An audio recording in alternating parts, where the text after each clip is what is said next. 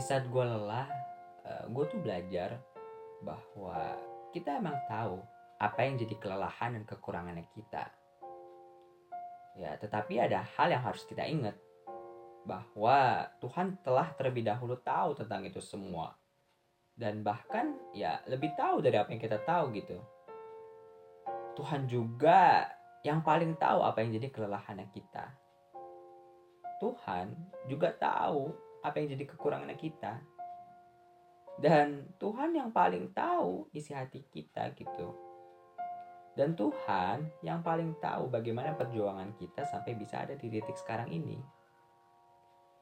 kalau kita lagi lelah, kita harus ingat bahwa Tuhan tuh pengen loh lihat kita berjuang lagi.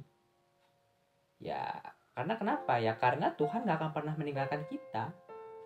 Tuhan tuh akan selalu ada untuk membantu kita di setiap kita yang mau berjuang bareng dia.